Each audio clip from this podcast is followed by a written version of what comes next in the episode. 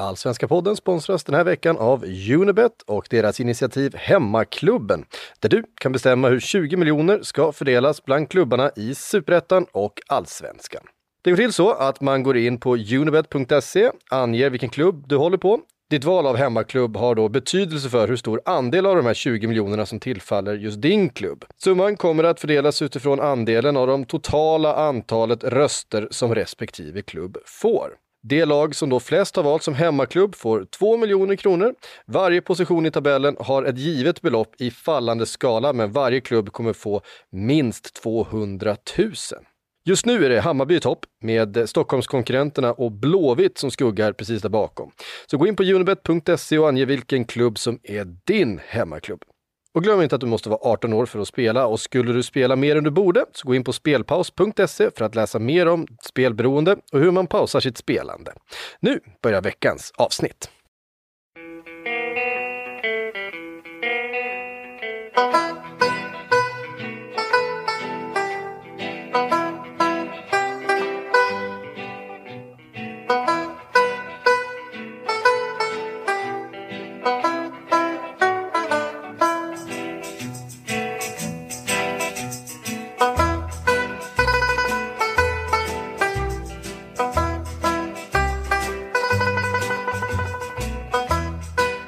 Hej och välkomna till den allsvenska podden som görs i samarbete med Robert Laul och Per Boman. Det är jag som är Laul, det är du som är Boman. Hej Per! Hej!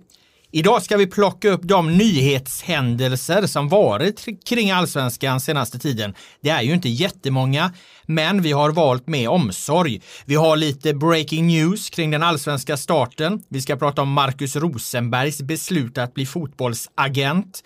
Vi ska prata om ÖFKs nya tricks för att rädda sin ekonomi, om AIKs rokader i klubbledningen och vi ska ge vår syn på höst-vår-debatten samt prata drömlag under 2000-talet i allsvenskan. Men vi börjar med en spaning Per, för du är tillbaka från din karantän och du har plötsligt retat upp dig på journalistiken kring allsvenskan. Ja, eh, nej men jag, jag, jag kom att tänka på en händelse för ja, mellan ett och två år sedan ungefär. Eh, då fick jag en ganska skarp utskällning av en allsvensk ledare efter att en Sportbladet haft en artikel eh, där, där en spelare bedömdes som överskattad. Eh, då menar den allsvenska ledaren att det var ett oansvarigt sätt att skriva på, att det är något som bara spär på pressen på spelare och att tidningar fan inte ska hålla på med sånt. Ehm, och då blev jag lite skakad, men efter ett tag så började jag ändå fundera på att jag tycker att nästan precis tvärtom, att det är för lite nålstick och liksom tuffa bedömningar i tidningarna numera, utan det är ganska tvärtom en väldigt typ av så att säga, insmickrande journalistik om allsvenska spelare numera. I nästan alla poddintervjuer och långintervjuer så är det en framgångshistoria som ska beskrivas. Eh, där alltid någon är liksom lysande på något sätt. Det är hjälteporträtt efter hjälteporträtt. Trots att en spelare kanske bara gjort två bra matcher så ska man ändå ha en lång intervju där han berättar varför allting går så bra just nu och trots motgången så är jag på väg uppåt och så vidare. Jag tycker att det är väldigt sällan det är en mix, att det är en blandning av tuffa och, snälla, och intressanta snälla frågor, utan det är nästan bara trevliga frågor och, och, och mycket så här, ja, framgångsintervjuer helt enkelt. Och jag upplever att det är lite torftigt och, och sådär, men samtidigt så inser jag att det är något som gynnar både journalister eh, och spelaren på ett sätt som att journalistens text blir ju om den är positiv, hyllad av supportrarna ofta, men den blir också hyllad av spelaren själv då, vilket gör att man hamnar i, på något sätt i i en god position eller sådär. Ehm, men det är i alla fall någonting som jag själv börjar tycka är tråkigt och jag är säkert också skyldig till den typen av eh, intervjuer ibland som är för positiva och kanske för onödigt eh, hyllande liksom. Ehm, men det är i alla fall någonting jag, jag har tänkt på att, eh, att det är trist. Ett skäl till det kan ju vara att numera är det många spelare som tackar nej till intervjuer när det går dåligt. Eh, bara, har man gjort en, en dålig period, då vill man inte göra några långa intervjuer plötsligt. Då säger man bara nej rakt av och kanske kommunicerar via sin egen sociala mediekonto eller via klubbens eh, kanaler. Eh, det kan vara ett skäl till att det är färre, så att säga, kritiska intervjuer. Men eh, det var någonting jag hade tänkt på och då undrar jag, håller du med om det? Ja, i grunden håller jag med om ditt resonemang.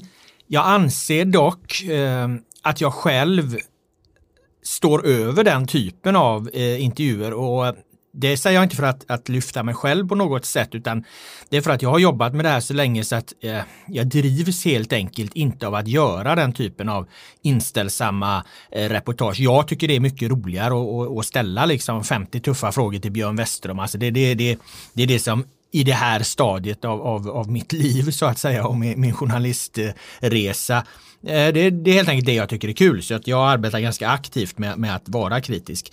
Eh, men eftersom vi inte kan, jag kan, jag kan heller inte låta dig stå oemotsagd här och jag tycker att din, eh, din spaning här, det känns lite som en copy-paste på Olof Lund när han skrev världens längsta krönika i Café och dundrade att alla var så jäkla hovsamma mot Zlatan då, eh, på den tiden Zlatan var i landslaget, utan att Lund kunde ge ett enda konkret exempel på vilka journalister som av, avsågs.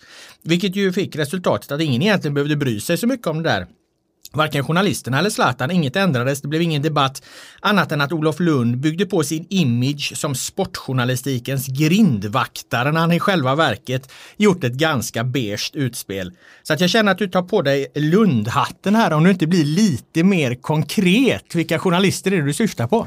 Ja, men det är, en bra, det är en bra, ett bra instick eh, givetvis. Man kan ju inte bara ropa varg och inte komma med någonting sen och jag vill inte ha på mig Olof Lundhatten på det sättet. Och jag försökte ju antyda att det här är ett allmänt problem som även innefattar mig då. Och jag kan ta ett exempel. Eh, nu blev ju Henrik Jurelius klar som sportchef för AIK och då skrev jag en text om om doldisen som klev fram i skuggorna och, och, eh, och, eh, ska ta över det här jobbet då liksom och han är så hyllad internt och så vidare. Och så vidare. Där borde jag nog haft fler tuffa frågor till exempel. Så jag är väl en av de som misslyckas på den här punkten ibland och jag hade väl en eller två frågor som handlade om hans fotbollserfarenheter och att han var oerfaren och sådär. Men jag borde nog ändå tryckt på ännu hårdare att vilken, vilken eh, underdog han är när han kommer in i den här branschen på det här sättet. Så att jag är väl själv skyldig till den här typen av slapp journalistik. Ja, då får vi se om det räcker för att få fart på debatten, om du ska få någon effekt på ditt utspel eh, nu när du då väljer att, eh, att lyfta fram dig själv som eh, exemplet. Jag, jag är dock tveksam när man, man, man gör det här liksom Lundversionen av, av ett kraftfullt utspel, att det faller lite mellan stolarna så att säga och, och eh, stannar där. Men som sagt, i grunden eh, håller jag med dig. Vad gäller sportchef Jurelius AIK så ska vi prata mer om honom och Björn Westerholm och AIKs rokader senare i det här eh, i det här avsnittet. Men jag ska börja med att berätta den andra av totalt tre anekdoter som jag fick av förre GIF Sundsvall-målvakten Fredrik Sundfors när jag var uppe i Hudiksvall och gjorde ett reportage. Jag berättade i förra poddavsnittet om eh, hur eh, GIF Sundsvall-truppen på den tiden skojade med Rickard Norling. Och eh, den här andra anekdoten, det handlar om Norlings första bortaresa. För då var det så att när Rickard Norling kom till Giffarna vintern 2005 och de skulle spela sin första träningsmatch så var det borta mot Rosenborg. Så att de åkte i spelarbussen till Norge och på den tiden så spelade Patrik Eriksson Olsson i Giffarna och han känner ju även alla djurgårdare till för att han var framgångsrik i Djurgården några år tidigare. Eh, Patrik Eriksson Olsson är också vid sidan av fotbollen, eh, eller var på den tiden, jägare. Och i samband med den här Norgeresan när de skulle möta Rosenborg så hade han bestämt sig för att köpa en väldigt, väldigt speciell yxa som bara finns i, i Norge då uppenbarligen. Eh, jag kan inget av vare sig jakt eller yxor, så jag har ingen aning om vad det här var för yxo, yxa, men det var i alla fall en, en, en, en eh, yxa som eh, Patrik Eriksson Olsson behövde i sin jaktverksamhet och den fanns bara att köpa i, i Norge. Så att Eriksson Olsson innan, innan träningsmatchen så gick han och köpte sin yxa Matchen spelades. Eh, Giffarna skulle åka hem med spelarbussen och på väg hem sent på natten eh, så blir det en olycka framför eh, spelarbussen. Det är, det är en, vad jag förstår en personbil som, som krockar med, eh, kör på en älg. Och eh, ja, eh, bussen bakom får ju stanna. Eh, spelarna, eh, spelartruppen kommer ut, Rickard Norling kommer ut. Älgen ligger ju svårt skadad på marken, blödande och, och, och på väg att avlida. Och Rickard Norling blir ju blekare och blekare och, och vet riktigt, inte riktigt hur han ska hantera den här situationen med, med den här stackars döende älgen och, och, och spelartruppen och, och det är fullt kaos där. Ut ur bussen sent om sidor kliver Patrik Eriksson Olsson med sin nyinköpta yxa och som jägare då så vet han ju uppenbarligen att i det här läget så är det mest, eh, eh det mest eh, humana och, eh, ja vad fan säger man, det, det, alltså det, det det mest eh, bra för älgen, vad heter det? det barmhärtiga. Mest, barmhärtiga. Det, ja, förlåt, jag söker ordet barmhärtiga. Det mest barmhärtiga i det här, eh, vid den här situationen är helt enkelt att avliva älgen. Så han kommer ur bussen med, med nyinköpta yxan, går fram, går fram till älgen, ställer sig eh, med, med benen brett isär, fattar yxan med, med, med ett dubbelhandsgrepp och, och siktar in sig med liksom eh, blanksidan, den trubbiga sidan på eh, älgens panna om jag förstår det rätt. Han hoppar upp i luften då med båda fötterna, upp med armarna och kommer ner och får liksom full kraft i det här eh, slaget som träffar älgen i, i panna, varpå älgen avlider på stört. Och bredvid, eller en bit bort, står Rickard Norling och vid det här laget är ju han kritvit i ansiktet. För han har aldrig någonsin varit med om något, något, liknande. Och han, när han förstår vad det är som händer och att Eriksson Olsson ska slå ihjäl älgen med, med denna yxa så uh, försöker han liksom få in spelarna, in mer i bussen. Herregud, liksom. han, han, han har oerhörda problem med att hantera den här situationen för han har aldrig varit i någon liknande situation. Och det är ju inte särskilt konstigt. Jag hade heller absolut inte vetat hur fan man ska göra där. Men Patrik Eriksson Olsson gör det, det enda rätta, kliver fram, slår ihjäl älgen, visar liksom hur man ska hantera eh, situationen. Och det här var tydligen en sak då som, som det här rövargänget i GIF Sundsvall hade väldigt roligt åt att här kom deras nya tränare från Stockholm. Första bortaresan, ja då fick man minsann se hur man hanterar en viltolycka uppe i Norrland. Helvete. Men eh, Norling verkar ju, tror du att han är traumatiserad av sin tid i, i Medelpad? Jag tror att Norling lärde sig väldigt mycket av det. Jag menar, Rickard Norling har ju blivit en, en väldigt framgångsrik tränare och det är därför, det är därför jag tycker det är kul att återberätta de här historierna. Det hade ju inte varit roligt ifall det var en tränare som hade misslyckats. Men jag menar, Rickard Norling har blivit en av Sveriges mest framgångsrika fotbollstränare och jag är helt övertygad om att året i Sundsvall, som det då uppenbarligen finns en uppsjö av, anekdoter kring, eh, lärde honom väldigt mycket om, om livet och hur man ska agera som ledare. Eh, det var dock uppenbart att i just det här fallet, när Patrik Eriksson Olsson Nilsson slog ihjäl den döende älgen med en yxa. Där hade Norling ingen aning om hur han skulle hantera situationen då. Du har berättat två anekdoter nu från eh, Rickard Norlings tidiga 2000-tal i, eh, i Sundsvall. Som jag förstår det så finns det tre anekdoter. Vilken tycker du om bäst själv? Alltså jag gillar egentligen alla tre på, på lite olika sätt, men vi kan väl vänta med, med summeringen. Det ska ju egentligen du och, och lyssnarna avgöra. Det kommer ju en tredje då i nästa avsnitt här då. Eh, hur det kom sig att, att det sprang runt en travhäst uppkallad efter Giffarnas eh, anfallsspelare Bala Garba. Den, den drar vi nästa vecka så att vi lämnar en, en liten teaser, en liten cliffhanger med det. Eh, därmed lämnar vi anekdoterna om Norling i Giffarna 2005. Eh, går över på vårt första ämne som jag beskrev som lite breaking news kring den allsvenska starten. Och jag har luskat lite kring hur man ser på det här. Jag menar, Svenska fotbollsförbundet har ju tydligt gått ut med att man har en målsättning att senast börja spela i början av juni. Vad jag har hört nu så har det överhuvudtaget inte tagits eh, eller gjorts någonting egentligen för att hitta ett spelschema i juni. För att man är helt enkelt så osäker på om man, man kan spela i juni, vare sig det är med publik eller inte.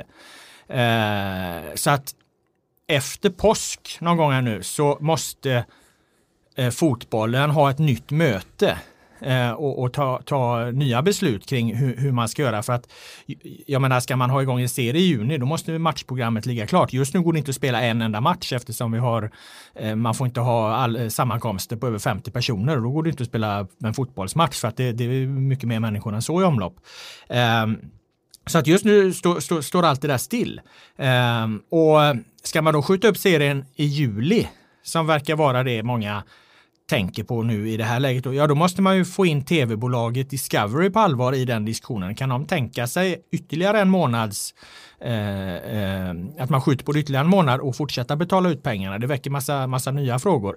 Eh, så att eh, jag blir lite förvånad fast ändå inte med tanke på att den här coronasituationen har förändrats hela tiden.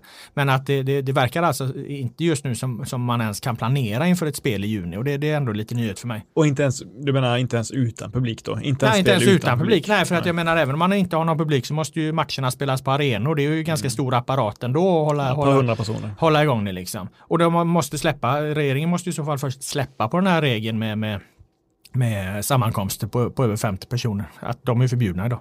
Ja, känslan är ju att alltså, jag börjar tänka mig att det inte kommer gå att spelas med publik alltså börjar man nästan luta under 2020 liksom nästan. Ja. Åtminstone långt in på hösten. Men utan publik får man hoppas att det går någon gång under sommaren i alla fall. Mm. Ja, och då blir ju den ekonomiska eh, aspekten på allt det här som vi har skrivit och pratat mycket om eh, högst relevant ifall det kanske blir en, en eh, en allsvenska helt utan publik. Då det, det, det, får ju oerhörda konsekvenser. Men det har vi skrivit och rätt ut många gånger. Men det var, här var alltså en liten uppdatering kring var den där eh, frågan står. Jag tror i alla fall att det är väldigt viktigt att man får till ett möte i fotbollen och uppdaterar den här situationen. Vad säger egentligen tv-bolagen? Vad, vad, kan de gå med på att betala ut pengar för? För jag menar, det finns klubbar som, som kommer vara extremt beroende av tv-pengarna. Eh, att de kommer in som planerat och de kommer ju vilja ha igång det om det är möjligt eh, även utan eh, publik. Så att det här tror jag att fotbollen behöver sätta sig ner och fundera kring. Vi kommer återkomma till det. Eh, under tiden kastar vi oss över till vårt andra ämne för dagen och eh, det är ju en sak som du har funderat mycket kring och även jag faktiskt sen du, sen du föreslog det för mig och det är ju det här med att och det är ingen nyhet egentligen, men Marcus Rosenberg är ju sedan en tid tillbaka fotbollsagent. Mm. Och eh, han, han är ju så oerhört högt hållen i Malmö FF. Alltså den avslutningen han hade i höstas här eh, är det ju nästan som han har inte varit med om något liknande när han i, i sista matchen får, får skjuta Malmö vidare i Europa League. Och, ja, alltså det finns ju ingen som missade de otroliga scenerna. Sen blir han fotbollsagent och det kan man fundera kring. Ja, jag blev faktiskt eh ska, man ska inte använda överord, men jag vill nog säga att jag blev illa berörd ändå när jag såg att han blev fotbollsagent. Inte bara för att jag har svårt för yrket i sig, utan för att jag förstår inte varför han utsätter sig själv för den risken. Han är alltså ja, tillsammans med, med Bosse då, kanske till och med större än Bosse. Den, den, jag säger nog att han är kanske den största fotbollsspelaren i Malmös historia, Marcus Rosenberg. In, ingen har nog varit så älskad som han. Nej, möjligen Bosse också då. Men alldeles oavsett så, så undrar jag, jag menar, att bli agent skulle jag säga är det enda tänkbara sättet som han kan rasera delar av sin hjältestatus. Ehm, för vad gör Rosenberg då? Om han och Anel Ahmedhodzic ja, om ett och ett halvt år börjar känna Annel att fan, jag, nu, nu, måste jag, nu vill jag gå utomlands igen. Nu vill jag spela för en eh, mittenklubb i Serie A. De lämnar ett bud på 12 miljoner eh, som eh, Rosenberg och Annel tycker är bra. Eh, Malmö säger nej. Eh, då är det ju en företrädare, en agents, eh, liksom i hans arbetsbeskrivning går ju ut på att han ska på något sätt försöka pressa fram den här försäljningen. Han ska på något sätt försöka få det här att hända nu för det passar hans eh, klient. Han, han vill utomlands och de har fått ett okej okay bud. Kanske inte det högsta som de hade hoppats på, men det är ett okej okay bud. Vad gör Rosenberg då? Börjar han gå ut i pressen och sätta press på Malmö? Börjar han, eh, börjar han bråka på något sätt? Börjar, eller går han till Annel och säger nu får du lugna ner dig, Malmö vill inte sälja dig. Är inte han en dålig företrädare för Ahmedhodzic då, om, om det blir så? Jag menar bara att vad han än gör nu, han kanske är den snövitaste agenten som någonsin har funnits, han kanske blir en fantastisk agent, men jag tror att hur fin han än är så kommer han hamna i knepiga situationer som gör att hans hjältestatus riskerar att solkas ner. Och jag tycker bara att det känns eh, onödigt. Jag hör vad du säger, men jag kommer med en invändning. Ehm, det finns ju ganska många exempel på före detta spelare som har blivit agenter, framgångsrika agenter, ehm, agenter som har varit eh, respekterade och ansetts pålitliga över tid. Eh, och det finns ju just ett exempel i Malmö FF. Eh, för jag menar Martin Dahlin är ju liksom en stor eh, MFF-hjälte på många sätt. Och, och, han har ju egentligen i hela, hela sin, nästan hela sin karriär, förutom något inhopp där som expertkommentator som väl gick sådär, mm. så har ju han jobbat som agent. Och han har ju hel, mig veteligen under alla år behållit en väldigt bra relation med just Malmö FF. Det är klart att det har liksom säkert skurit sig lite runt vissa affärer och så, men det har liksom inte blivit något problem utan Dalin gillar Malmö och Malmö gillar Dalin och, och MFF-fansen gillar fortfarande Dalin och han är liksom fortfarande respekterad i, i branschen och, och, på alla sätt så här. Eh, så att om man liksom tvärtom då kanske har en väldigt stor respekt för varandra i grunden, exemplet Dalin MFF, så skulle det kunna vara samma sak med Rosenberg, tänker jag. Att han och Malmö har en väldigt stor respekt för varandra och därför ser man till liksom att enas om lösningar som blir bra för alla parter. Man får helt enkelt ge och ta lite grann. Ja, men det är väl en poäng, absolut. Eh, det jag tänker också är att att det här kan vara en väg in i sportcheferiverksamheten just mm. eftersom eh, det är ju en ganska grå linje mellan sportchef, eh, scout och agent. Det känns som att de det som, vad heter det, hela havet stormar, att de flyttar runt mellan de positionerna på något sätt. Det är många exempel på sportchefer som varit agent tidigare och det här kan vara ett sätt att få upp ett kontakt nät, att lära känna folk, att lära sig förhandlingar för att på så sätt kunna bli sportchef framöver. Jag vet inte. Ja, det finns ju nu visserligen utbildningar för att bli typ klubbledare. Kim mm. Källström går ju någon, någon, den typen av, av uh, utbildning, praoat på för, uh, Svenska fotbollsförbundet och så här. Uh, och, och, precis som du säger, men, men precis som, som du är inne på liksom, så tror jag också att det bästa sättet egentligen om du ska bli till exempel sportchef, det är ju att, eh, att vara ute i den verkligheten. Till exempel som agent. Det finns ju exempel på det. Bosse Andersson eh, var agentens sväng. Eh, vi har Pontus Farnerud i IFK Göteborg som visserligen bara är assisterande sportchef. Han provade också på, på agentsvängen lite grann. Jag tror att Jesper Jansson hade en period där på, på i början av 2000-talet eller när fan det var som han, som han liksom var, var agent. Och så det finns säkert ännu fler exempel på, på, på det här. Så att så kan det absolut bli också att, att Rosenberg eh, dyker upp som, eh, som sportchef i, i Malmö FF när Daniel Anders, Andersson känner att han vill bli fotbollstränare igen. Ja, absolut. Alltså, och sen det, ja, man ska inte, det, det, det, kan, det kan inte är världens jobbigaste jobb heller. Ha tre, fyra klienter, få gå på lite möten, eh, visa upp sin stora erfarenhet och sådär, sin digra erfarenhet. Men, men i min värld så är det ett onödigt sätt att riskera en, en, en, en hjältestatus. Jag tycker att det är problematiskt oavsett den aspekten med hjältestatus hit och dit att bli eh, fotbollsagent. Eh, både av anledningen att, att det är ett eh, ja, så som den där branschen har utvecklats så är det ganska tveksamt. Och dessutom så behövs det absolut inte fler agenter. Det försvinner alldeles för mycket pengar till agenter. Det, det har blivit ett sjukt system. Eh, nu är det ju en väldigt, eh, det är ju en bransch som kommer att ha det väldigt svårt framöver efter, eftersom transfermarknaden kommer att påverkas kraftigt av, av coronakrisen. På samma sätt som, som många andra företag tyvärr kommer gå omkull så, så kommer ju antagligen en, en hel del agenter få syssla med något annat. Så att eh, det är ju ett lite lurigt läge Marcus Rosenberg Wallenberg ge sig in i det. Det visste han å andra sidan inte när, när han valde att inleda den här agentkarriären för den ligger ju en, en, en tid tillbaka utan det här är ju någonting som har kommit senare. Därmed lämnar vi Rosenbergs eh, eh nya liv som fotbollsagent och eh, går över på en annan sak som har diskuterats eh, hyfsat mycket i veckan och det är ju Östersunds FK och deras eh, nya tricks för att eh, klara sin ekonomi. Ehm, det, de har, det, det, som har varit är ju att, att ÖFK, eftersom de är ett eh, aktiebolag, ett bolag, så lyder de under aktiebolagslagen.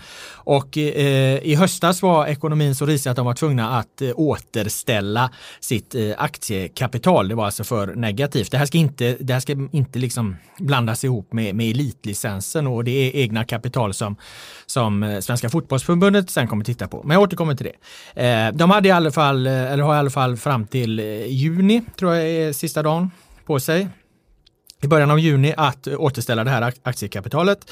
Det har de nu då gjort genom att eh, skriva upp sina immateriella anläggningstillgångar eh, som tidigare var värda 4 miljoner och nu eh, har lagts på med 59 miljoner så ligger alltså på totalt en bit över 60 miljoner. Och immateriella anläggningstillgångar är alltså i det här fallet eh, deras spelarkontrakt, deras trupp. Eh, de har alltså höjt Ehm, och höjt värdet på den och utgår då liksom från spelartruppens nettoförsäljningsvärde vad de här cirka 20 spelarna skulle kunna säljas för.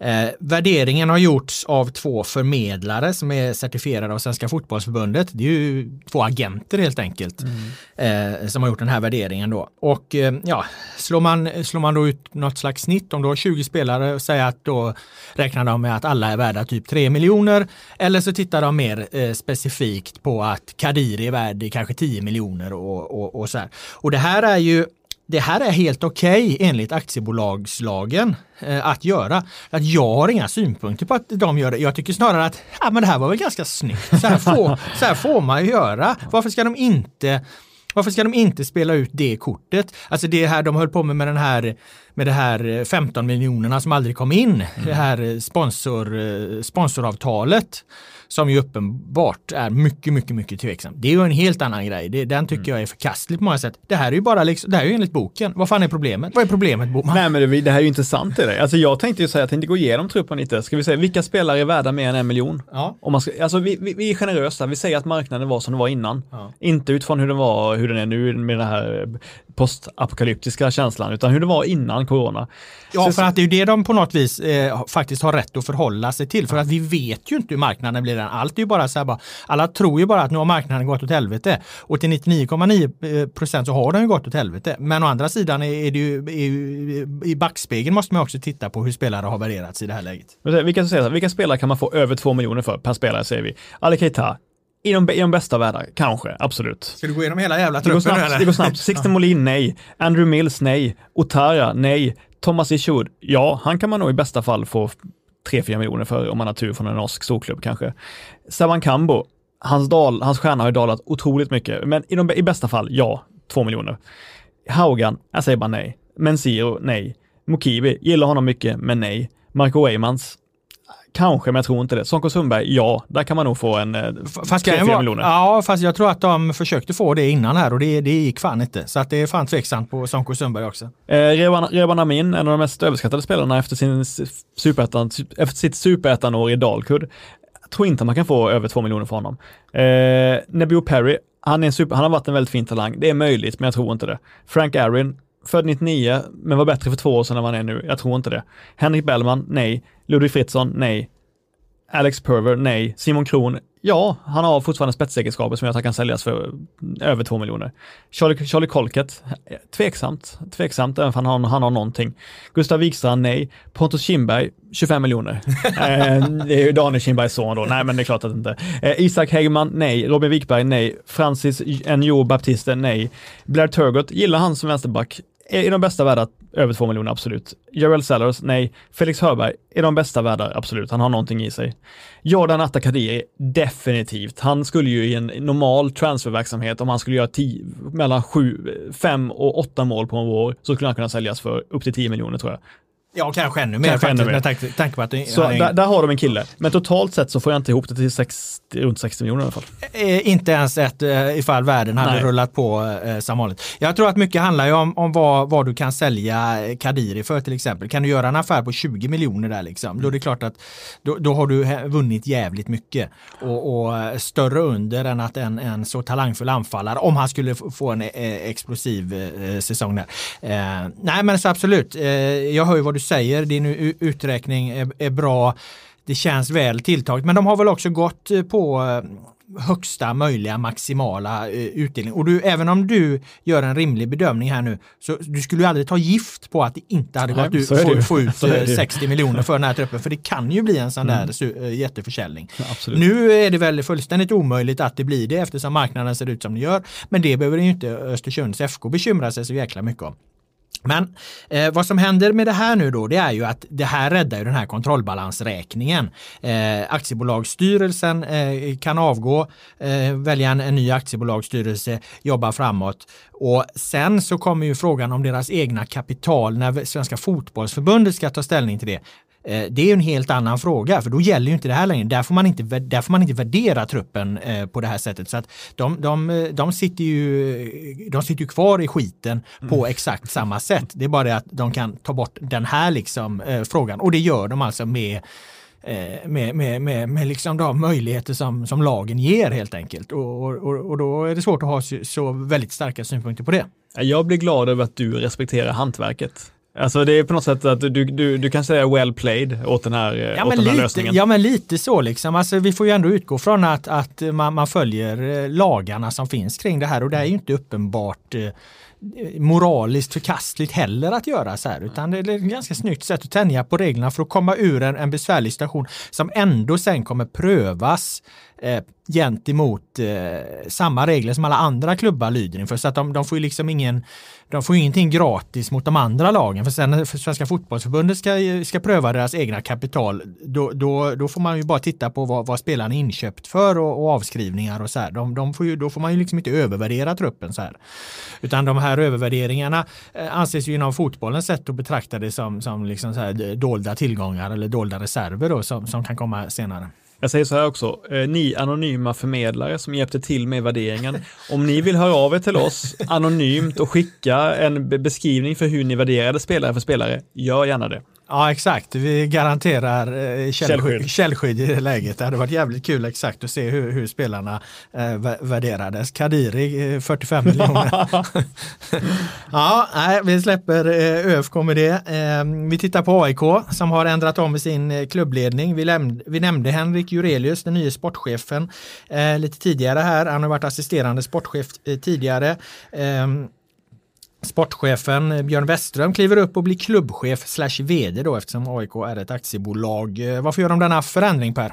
Ja, dels så är det ju så att AIK eh, fetischerar ju det här med interna lösningar. Det är något som de eh, som de verkligen, verkligen, verkligen är stolta över att de jobbar mycket med interna lösningar. Jag lägger ingen värdering i det, men de är väldigt, de pratar mycket om hur bra det är och är det, så- då nämner de till exempel som exempel så här, har de två kandidater eh, och då misstänker jag, är det någon kandidat utifrån som kanske har lite, lite bättre eh, meriter så väljer de hellre den interna kandidaten för att han har så bra kännedom om den egna verksamheten helt enkelt. Han kan klubben så att säga.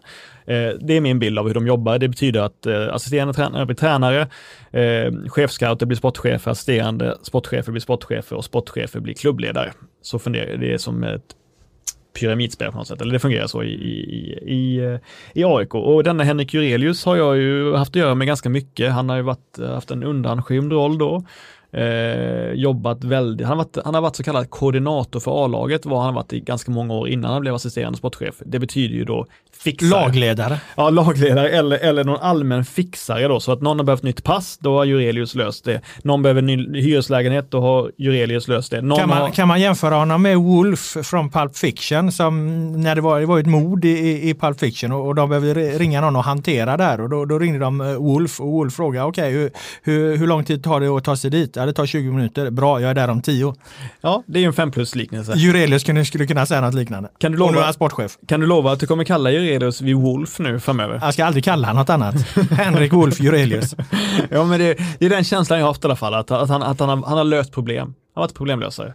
Eh, förmodligen så har han, han har ju gått bredvid då Westrum i två års tid nu som assisterande sportchef. Förmodligen gjort en hel del av grovjobbet. Eh, förmodligen lärt sig, lärt sig mycket om avtalsskrivning, lärt sig förmodligen en del, hel del av förhandlingar, eh, förstått hur man ska agera. Eh, på det sättet så har jag inga, tror jag inte alls några tveksamheter om att han kommer göra ett, ett bra arbete. Han jobbar extremt hårt också som jag förstår det, så han, han är säkert duktig på allt det administrativa och alla de formella sakerna.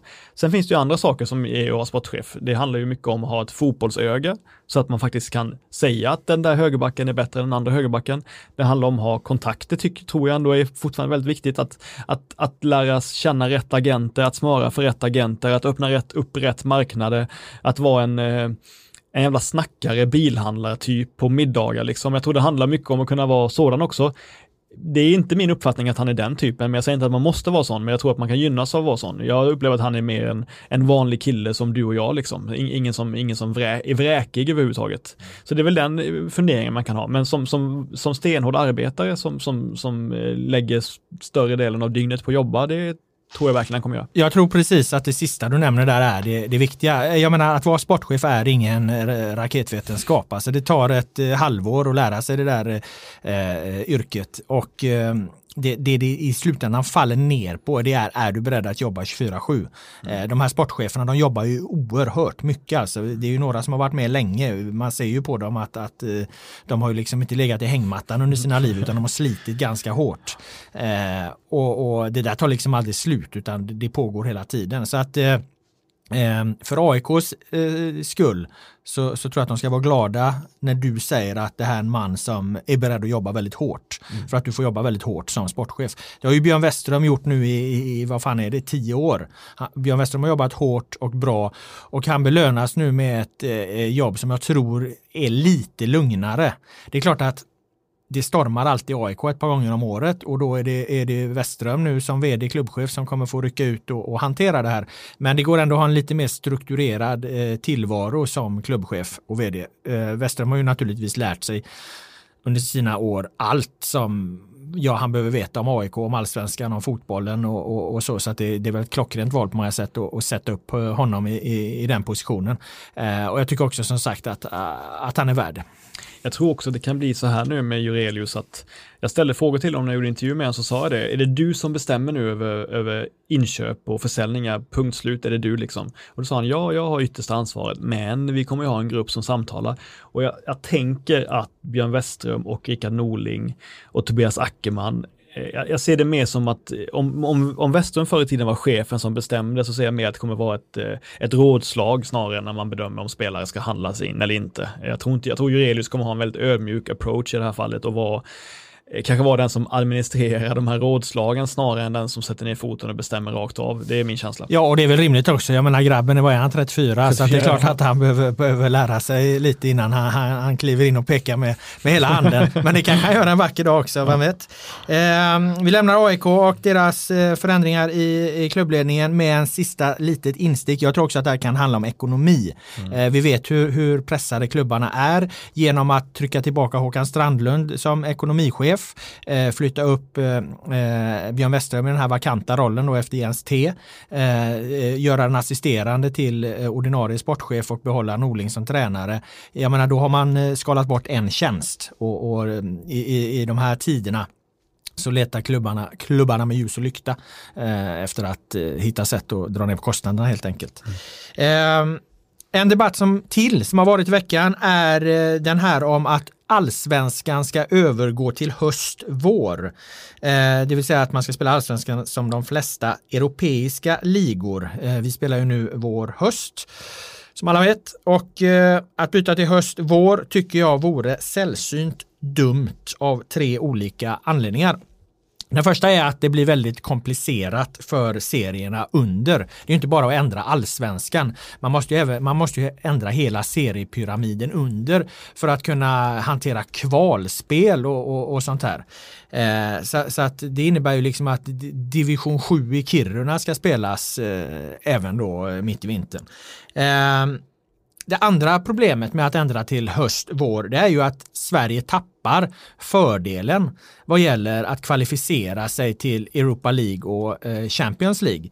Det som händer nu när vi har ett omvänt, en omvänd seriestart är ju att eh, när vi ska kvala i juli-augusti, då är Sverige, de svenska lagen uppe i matchtempo medan de andra europeiska lagen befinner sig i, i försäsong. Det är en fördel för svenska lag. Nackdelen för svenska lag är ju om man går vidare, som Malmö FF har gjort två år nu, när de möter Wolfsburg. Ja, då blir ju problemet för Malmö att Malmö är off-season medan Wolfsburg är uppe i sin säsong. Men det är ju mycket viktigare där Sverige befinner sig i näringskedjan, den europeiska näringskedjan idag, att vi går till gruppspelen, att lagen överhuvudtaget kvalificerar sig än att de sedan går till en kvartsfinal. Det är ju egentligen skitsamma. Det är jävligt kul för, för det är ett lag, men liksom för svensk fotboll som någon slags helhet som man ju måste se den här frågan, så är det mycket bättre att, att, att vi underlättar för, för lag att överhuvudtaget komma, överhuvudtaget komma med i gruppspelen och att det är svensk fotboll som får ta del av de pengarna som finns eller fanns eh, i den europeiska fotbollen. Nu får man ju se hur det här är efter coronakris och allting, men, men vi utgår ifrån hur det har varit. Mm. Det är argument två. Eh, argument tre är ju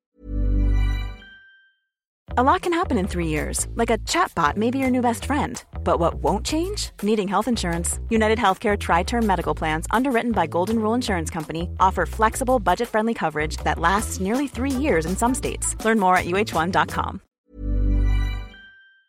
Att det är ju redan ett Eh, ett uppehåll mitt under sommaren på en månad eh, när eh, VM, EM och så här spelas. Det är ju jävligt synd för att jag menar det finns ju ingen bättre tid att spela fotboll på i Sverige än maj, juni, juli, augusti.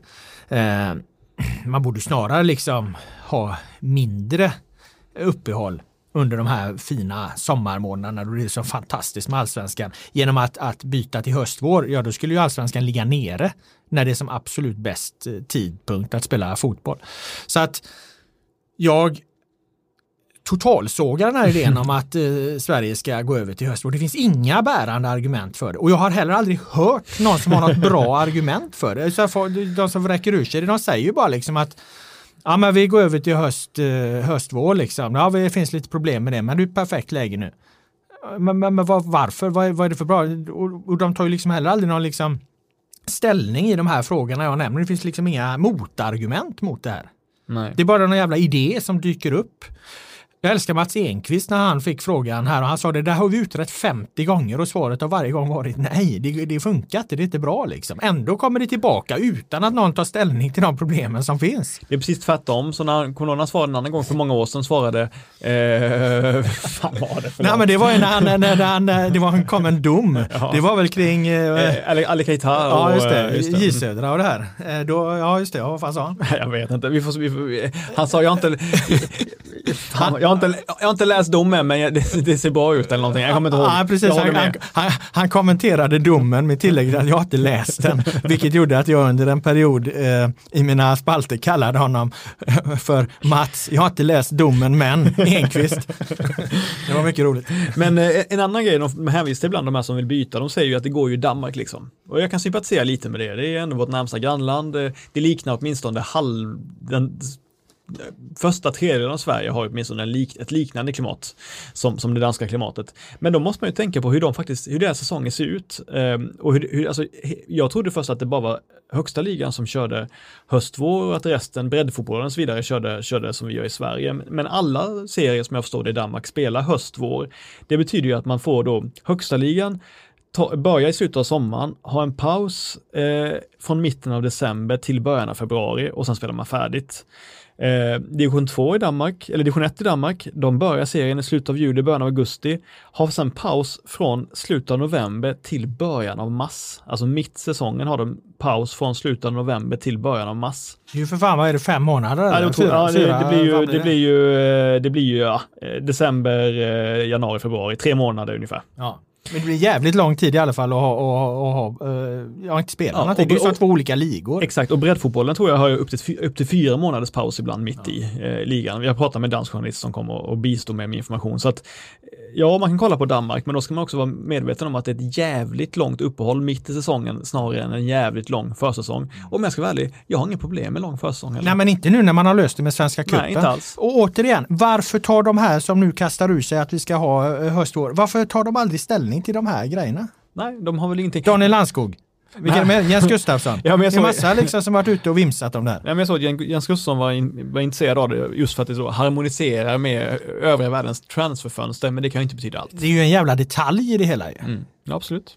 Jag förstår inte varför de, eh, vad, vad, vad fan det är. Nej, men det är de klart... kan också höra av sig om, om, om, om, om de har någon som har någon förklaring. Ja, men det, är klart att, det är klart att alla ser ju framför sig att det ska kunna bli ett engångsfall i år då, om fotbollen börjar i slutet av sommaren, början av hösten och sen får man spela färdigt en eh, tidig vår. Liksom. Det är inte orimligt, det kan hända. Nej, men, men det är en helt annan, ett ja, enskilt år. Ja, det är en helt annan sak också. Ja. Och det är ju meningen att det ska studsa tillbaka till det normala med vårhösten. Ja. Nej, jag tycker att det är eh, hål i huvudet att ens eh, föreslå eh, höstvår och med det så eh, går vi över till vårt sista ämne. Mm. Per. Och det är lite internt, men eh, vad fan. Det har blivit en, en succé får man väl ändå säga det här med att eh, vi har ju tagit upp eh, de allsvenska drömlagen under 2000-talet. Hittills har vi gjort storklubbarna. Eh, vi kör skolgårdsstyle. Vi väljer varannan eh, spelare och eh, eh, sen ser vi helt enkelt vad vi får för drömelva i, i Malmö, Djurgården, Hammarby, Blåvitt och AIK som har gjort hittills. Ehm, det finns en väldigt tydlig röd tråd så här långt för det har varit ett stort och, och fint engagemang på det här eftersom läsarna då får rösta. Och varje gång Eh, ja, det är helt enkelt så här att första väljarens lag har vunnit. Du hade Bayern och var första väljare, du vann. Jag hade Blåvitt, var första väljare, eh, jag vann. Du hade Djurgården, var första väljare, du vann. Jag hade Malmö, var första väljare, jag vann. Och sen eh, femte då AIK som vi när detta spelas in precis har lagt ut. Du var första väljare och du har, eh, när vi kollade senast, tagit en knapp ledning. Ja, 53 procent mot 47 procent. Ja, så ganska jämnt i AIK då. På de andra har det varit tydligare då. Och då undrar jag lite, på min skolgård på 80-talet så kompenserade man för första väljarens fördel genom att andra väljaren fick välja två. Och det här påpekade ju vår kollega Simon Bank efter ett tag och, och, och, hade starka synpunkter på att eh, Per Boman har skrivit om reglerna. För nu väljer ju första väljaren väljer en, andra väljaren väljer en och så vidare. Och så håller det på så. Istället för att man då liksom ja, försöker liksom jämna ut där. Är det inte bättre egentligen att ha att andra väljaren får välja två så det inte blir så jävla tydligt att första väljarens lag alltid vinner. Nu kan man ju liksom nu kan man ju liksom satsa eh, allt, allt man har på att ja, men första väljaren kommer vinna eftersom man inte kompenserar detta. Ja, jag kan svara på det i två led. Mm. Första ledet om vi tar skolgården då, i, i Blekinge så var det som du säger varannan direkt. Och det behövdes ingen handikapp på det sättet. Andra väljare behövde inget handikapp. Dels fanns det väldigt många bra fotbollsspelare i ung ålder på skolgårdarna i Blekinge på 90-talet. Det är en sak. Men det fanns också en slags social utjämning som gjorde att de var så de personerna som fått uppdraget att välja, de hade som förståelse för dynamiken i grupperna att märkte de att ett lag kanske såg lite starkare ut, ja då kanske de tog någon spelare som kanske var inte den bästa att välja just då, men som skulle jämna ut det lite. Det fanns alltså ett slags socialt ansvarstagande hos människorna som fick möjligheten att välja lag i Blekinge. Att man inte behövde de här, jag menar, här i Göteborg och där du kommer från, eh, eh Partille och allting, där kanske man behöver de här stenhårda reglerna för att folk ska förstå. Men vi hade med Tegnell-grejen, eh, att man, vi har, det fanns rekommendationer och sen fick folk ta beslut utifrån ja, eget ansvar också. Så de som fick välja lag i Blekinge kunde helt enkelt uh, ha en större känsla för det. Jag skulle säga att det, det låter mer som man i Blekinge då hade liksom ett litet amerikanskt synsätt på det här. Man har liksom ingen, ingen fördelningspolitik för att jämna ut klyftor och så i samhället, utan man litar liksom på att de, de rika och de starka eh, gen, genom allmosor själva får hantera det där. Medan eh, vi i alla fall på, på skolgården i Jonsered hade liksom kanske en mer socialistisk syn syn på det hela då, att man här måste man med, med fördelningspolitik göra samhället eh, rättvist. Jag tycker det är en bättre idé att man, att man, att man eh, organiserar upp samhället på det så att alla får någorlunda liknande möjligheter istället för att man ska vara i händerna på, på att de rika låter de här allmosorna sippra nedåt. Mm. Det här var andra ledet så på, min, på mitt, på, du, du pratade om att det alltid är första väljaren som vinner. Jag tror snarare att det är så här att i fyra av de lagen vi valde så var det väldigt tydligt Eh, eller det var ganska tydligt vilka som var, vem som är den tydligaste ikonen. Kennedy i Hammarby, eh, Rosenberg i Malmö, Kim Källström i Djurgården. Väljer man någon av dem så är det väldigt stor chans att man vinner helt enkelt. Blåvitt är lite ett annat exempel där, där eh, tog Håkan Mild först och han är väl han är väl störst dock, kanske inte entydigt störst, men i princip störst. Men ett så, eh, jag ser också att du har kommit närmare mig i många, i många av de här omröstningarna, tror jag beror på att du har på ett regelvidrigt sätt eh, gjort dina lag. Jag upplever nämligen att... Regelvidrigt får du utveckla. Ja, vad, på vilket sätt nah, bryter okay. jag mot reglerna? Moraliskt då. Moraliskt vidrigt sätt. Eh, jag säger så här, jag, jag valde ju trebackslinje med IFK Göteborg. Eh, fembackslinje kan man kalla det. Jag valde tre mittbackar med det laget. Rogne, Sigurdsson och Eh, Antonsson, otroligt starkt. Men jag kände också att ett allsvenskt lag ställer inte upp med tre, back, tre mittbackar utan att ha ytterbackar på kanterna. I första hand så har man ytterbackar på kanterna då. Man kan inte lura systemet genom att sätta offensiva mittfältare på kanterna då, eller offensiva yttrar, för det blir ju inte realistiskt. Jag valde då Adam Johansson till höger, Ali Sami till vänster. Det kändes rättvist nu när, om jag hade tagit tre mittbackar, då får jag göra laget på ett normalt sätt. Men när jag kollar på hur du har gjort dina lag när du har använt trebackslinje, då har vi först Malmö FF, där du har satt förlåt, Jimmy Durmas som wingback och Mattias Svanberg som wingback i det laget med trebackslinje. Sjukt tycker jag. Och sen valde du AIK och där har du kört Robin Quaison som wingback och Daniel Tjärnström som wingback. Ingen av dem skulle hantera den rollen i verkligheten, varken i Malmö, bortsett från Svanberg då, om man kunde skolas in i det. Men ingen av dem, det är inte realistiskt. Kärna. Ja, Kärna skulle vi kunna göra, absolut. Men jag säger bara, min känsla är, är bara att du har försökt till slut välja de mest snygga namnen, offensiva namnen och helt skitigt i ytterbackar eftersom du vet att det är så få ytterbackar som är älskade.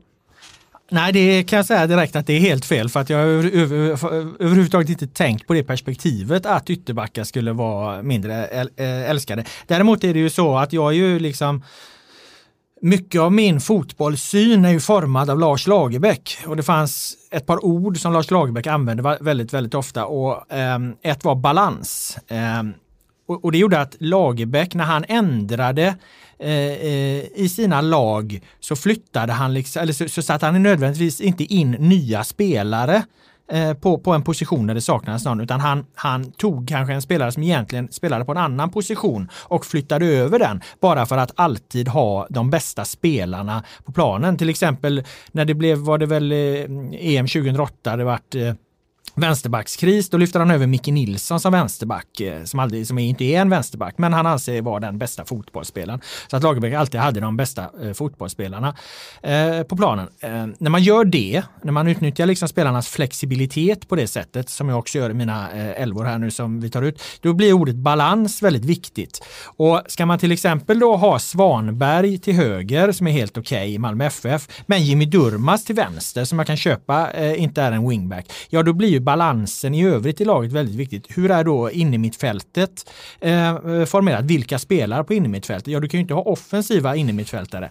Men där har jag däremot Marcus Halsti och Daniel Andersson som, som eh, sittande mittfältare. Två spelare som Eh, på många sätt är lika mycket mittbackar. De här två eh, defensiva centrala innermittfältarna ihop med en trebackslinje bestående av Rasmus Bengtsson, Pontus Jansson, Berang Safari som också eh, i Safaris fall kan, kan, komma ut och täcka upp lite åt vänster för, för Durmas. Det gör ju att balansen bibehålls även om det de enskilda två wingback-positionerna är offensiva eh, spelare. Det spelar egentligen ingen roll för att balansen är fortfarande bra i det laget. På samma sätt är det med, med AIK där jag kan hålla med dig om att Quaison är ingen wingback. Men jag har Celso Borges och eh, eh, Helgi Danielsson framförallt och sen då Daniel Tjärnström, vilket gör att du, liksom kan, du kan vikta laget. Och så är det många tränare som jobbar. Då, eh, Malmö FF till exempel, vi, så har du när de spelade 2004 med Skog, eh, Afonso. Alltså de här spelarna, de, det var inte något renodlat 4-4-2 bara för att de nödvändigtvis var uppställda, utan man, man skruvar lite på formationen. Det gjorde Lasse Lagerbäck väldigt mycket och det lärde jag mig väldigt mycket av. Så att eh, du kanske också har lärt dig något av det. Jag kan bara säga så här, jag har aldrig varit så arg som när du tar ut först Goitom, sen Obolo, sen Isak och sen Quaison i samma elva. Det är ett sätt att jäklas med motståndare såklart också och ta upp alla de bästa offensiva spelarna på något mm. sätt. Men jag... jag Men du måste ha en plan för fortsättningen och jag anser att Borges och Danielsson är en plan och Tjärnström eh, och du uppnår därmed balans i det laget och då kan du spela så. Ja. Vi, vi låter läsarna eh, eh, döma helt enkelt. Läsarna får döma och då, deras dom är tydlig. De, det laget som har valt först har hittills vunnit. Vi har två lag kvar. Eh, vi ska gå igenom allsvenskan, eh, All-star-team i allsvenskan förutom de, de fem stora och eh, vi ska köra landslaget under 2000-talet. Och det är klart att landslaget under 2000-talet blir centralt, vem som är första väljare, det förstår ju vem som helst. Eh, om du inte har något mer att säga Boman så tackar jag dig för att du är här med dina kloka synpunkter och åsikter. Jag tackar alla som har lyssnat och den allsvenska podden är tillbaka nästa vecka. Nu blir det The Village Stompers med Washington Square.